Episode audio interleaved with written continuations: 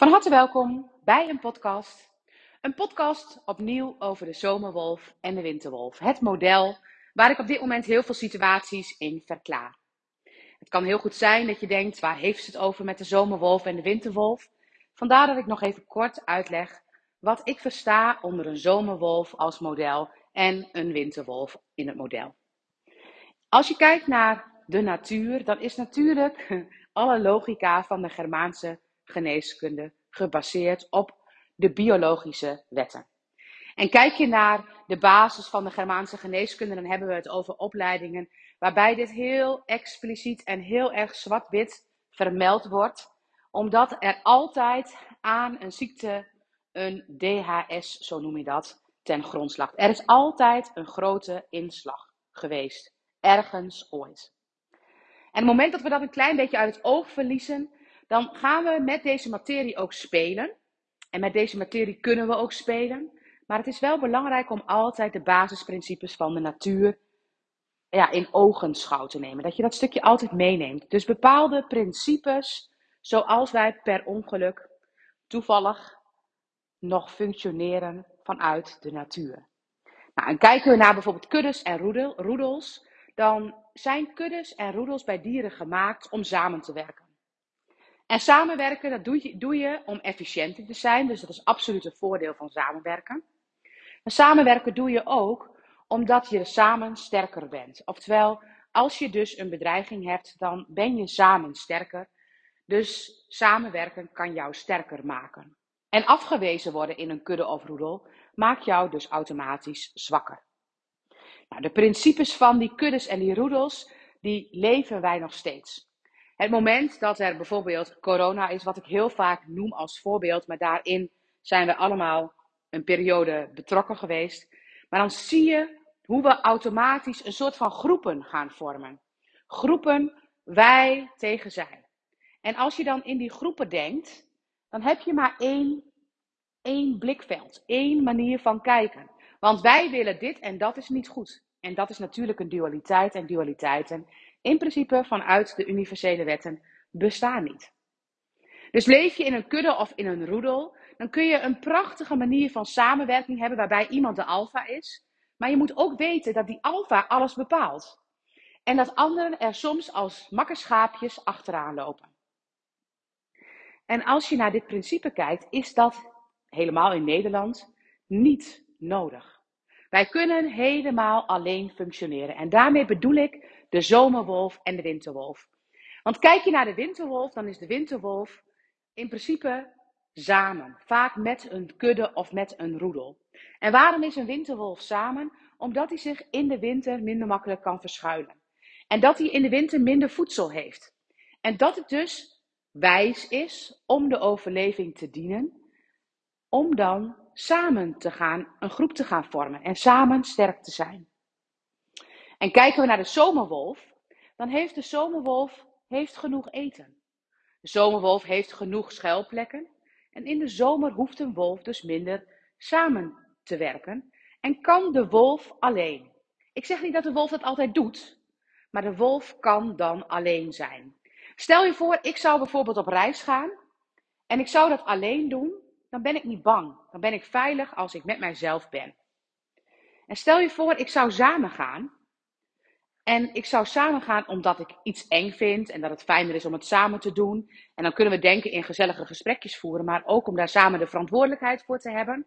Dan doen we dat vaak omdat het gezelliger is, dus het is ook een, een gezelliger is. Maar veelal ook omdat we het niet alleen durven. En niet alleen durven gaat over de winterwolf. Dat gaat over als ik samen met die ander ben, dan maken wij ons samen heel. Dan zijn we samen één geheel en één groep.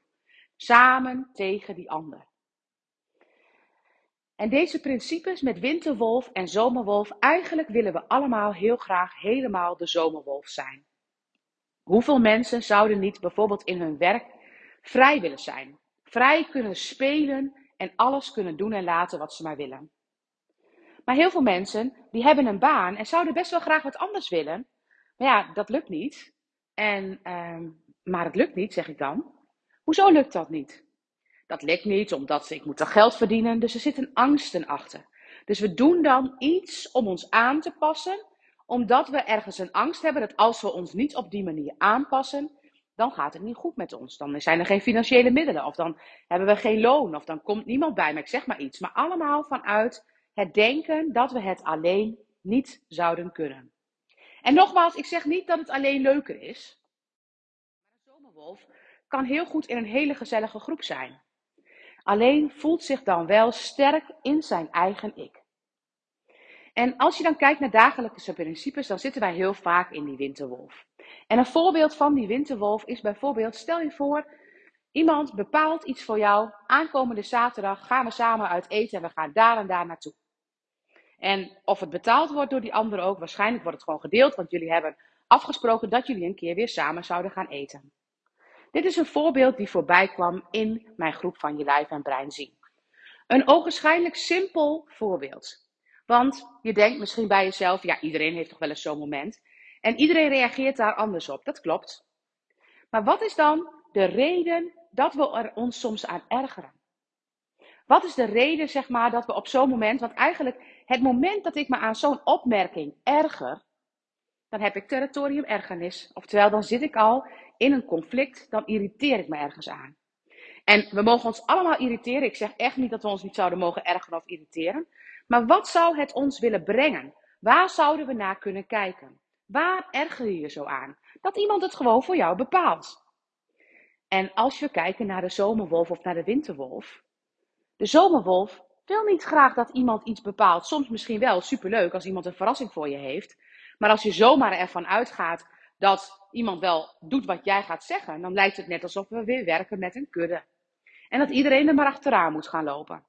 En misschien wel met de gedachte van ja, maar jij organiseert ook nooit iets. Dat kan. Alleen dan nog, dan heeft die persoon een probleem dat hij het niet leuk vindt dat jij het niet gaat organiseren. En dan zijn we allemaal in hele menselijke verwikkelingen bezig. In onderlinge irritaties met elkaar. Allemaal irritaties die gaan over de winterwolf. Want wat als jij gewoon tegen die persoon zou zeggen: Oh, goh, ik vind het wel een beetje bijzonder dat je dat zaterdag al af hebt gesproken en dat je ook het restaurant al hebt geboekt. Want dat mag jij gewoon zeggen, want dat voel jij dan. En waarom zijn we bang om juist dat te gaan zeggen? Waarom zijn we bang dat we dan iemand gaan afvallen? Want dan valt toch iemand af. Wat is het probleem? De zomerwolf maakt daar geen probleem van. Maar wij zijn bang dat we iemand dan gaan verliezen, of dat iemand dan iets van ons gaat vinden. Allemaal winterwolf, allemaal overlevingsstrategieën. En natuurlijk mogen we fatsoensnorm hebben, maar we kunnen altijd fatsoenlijk reageren als wij in onszelf blijven. Als we geen irritaties gaan stapelen. Want stel je voor, dit is al de tiende keer dat ze dat doet. En de vorige keer heb ik er niks van gezegd. Dan wordt de uitspatting alleen maar groter. Dus wat als wij bij hele kleine irritaties en ergernissen één ding eens gaan doen? We kijken eens bij onszelf, wat gebeurt hier nou toch precies? Welke ergernis heb ik nu? Een ergernis dat iemand het voor mij bepaalt. En het interessante is dan dat dat wat daar speelt, dat wat daar al trilt, dat heeft waarschijnlijk in je leven al veel vaker getrild. Het zou heel goed kunnen zijn dat als dat bij mij, mij overkwam en ik zou mijn partner Stefan gaan vertellen, dat hij tegen mij zegt: Ach joh, we maken je druk om toch lekker dat zij het geboekt hebben. En hij maakt er geen probleem van. En waarom niet? Hij heeft daar nog geen trilling op. En als hij daar geen spoor of trilling op heeft, zoals we eigenlijk dus getriggerd worden door magneetjes die eigenlijk een soort van aangezet zijn in onze jeugd, ja, dan is het best ingewikkeld, zeg maar, om ook nog als partners met elkaar op de juiste manier daarin te gaan reageren. Want dan neemt Stefan het ook nog niet eens serieus. En dan ben ik ook daar eigenlijk nog een nieuw conflictje aan het maken. Maar daar gaat het niet om. Het gaat erom dat je gaat voelen bij jezelf wat jouw ergernis daarin is. En dat jij het accepteert van jezelf, dat het zomaar zou kunnen zijn dat jij ooit daar een ervaring mee hebt gehad als kind of in jouw systeem. En dat jij nou, een soort van gevraagd wordt om daar eens naar te kijken. En dat het ook belangrijk is om dan niet te gaan reageren vanuit een overlevingsstrategie. Van um, ik moet hier vechten voor mezelf om voor mezelf op te komen. Of oh, ik zeg maar niks, want ik laat het maar gebeuren. Nee, gewoon zeggen wat het met jou doet. Want wat als wij altijd allemaal zouden zeggen wat het met ons doet? Dan reageren we als een zomerwolf met elkaar. En ik geloof erin dat als we dan kijken naar een zwerm met vogels. En we kijken naar zo'n veetje waar één er voorop is. wat heel handig is, omdat ze dan samen heel snel kunnen vliegen, dat dat eigenlijk gaat over kuddes en roedels. Dat is een manier om ergens sneller in te zijn, beter in te zijn, om samen te werken, om in elk geval verder te komen. Maar wat als we samen in een zwerm vogels zitten, zeg maar, en allemaal ons eigen patroontje maken en dat het dan zo'n beweging wordt in de lucht die echt allemaal vormen gaat aannemen. Ik geloof erin dat het allemaal zomerwolfjes zijn. Allemaal zomerwolfjes die allemaal hun eigen ding doen. En die eigenlijk door een bepaald ding zelf te gaan doen, een soort magnetisme hebben naar het andere vogeltje naast zich. Dus als ik in zo'n situatie zou zijn en iemand heeft voor mij geboekt en het raakt mij, dan is het mijn uitnodiging om, om te kijken naar waar ik vroeger dan mijn mening niet durfde te zeggen. Om te voelen hoe dat kindje in mij dat vroeger niet durfde of die eigenlijk het lastig vond als iemand steeds de regie nam en ik niks kon bepalen.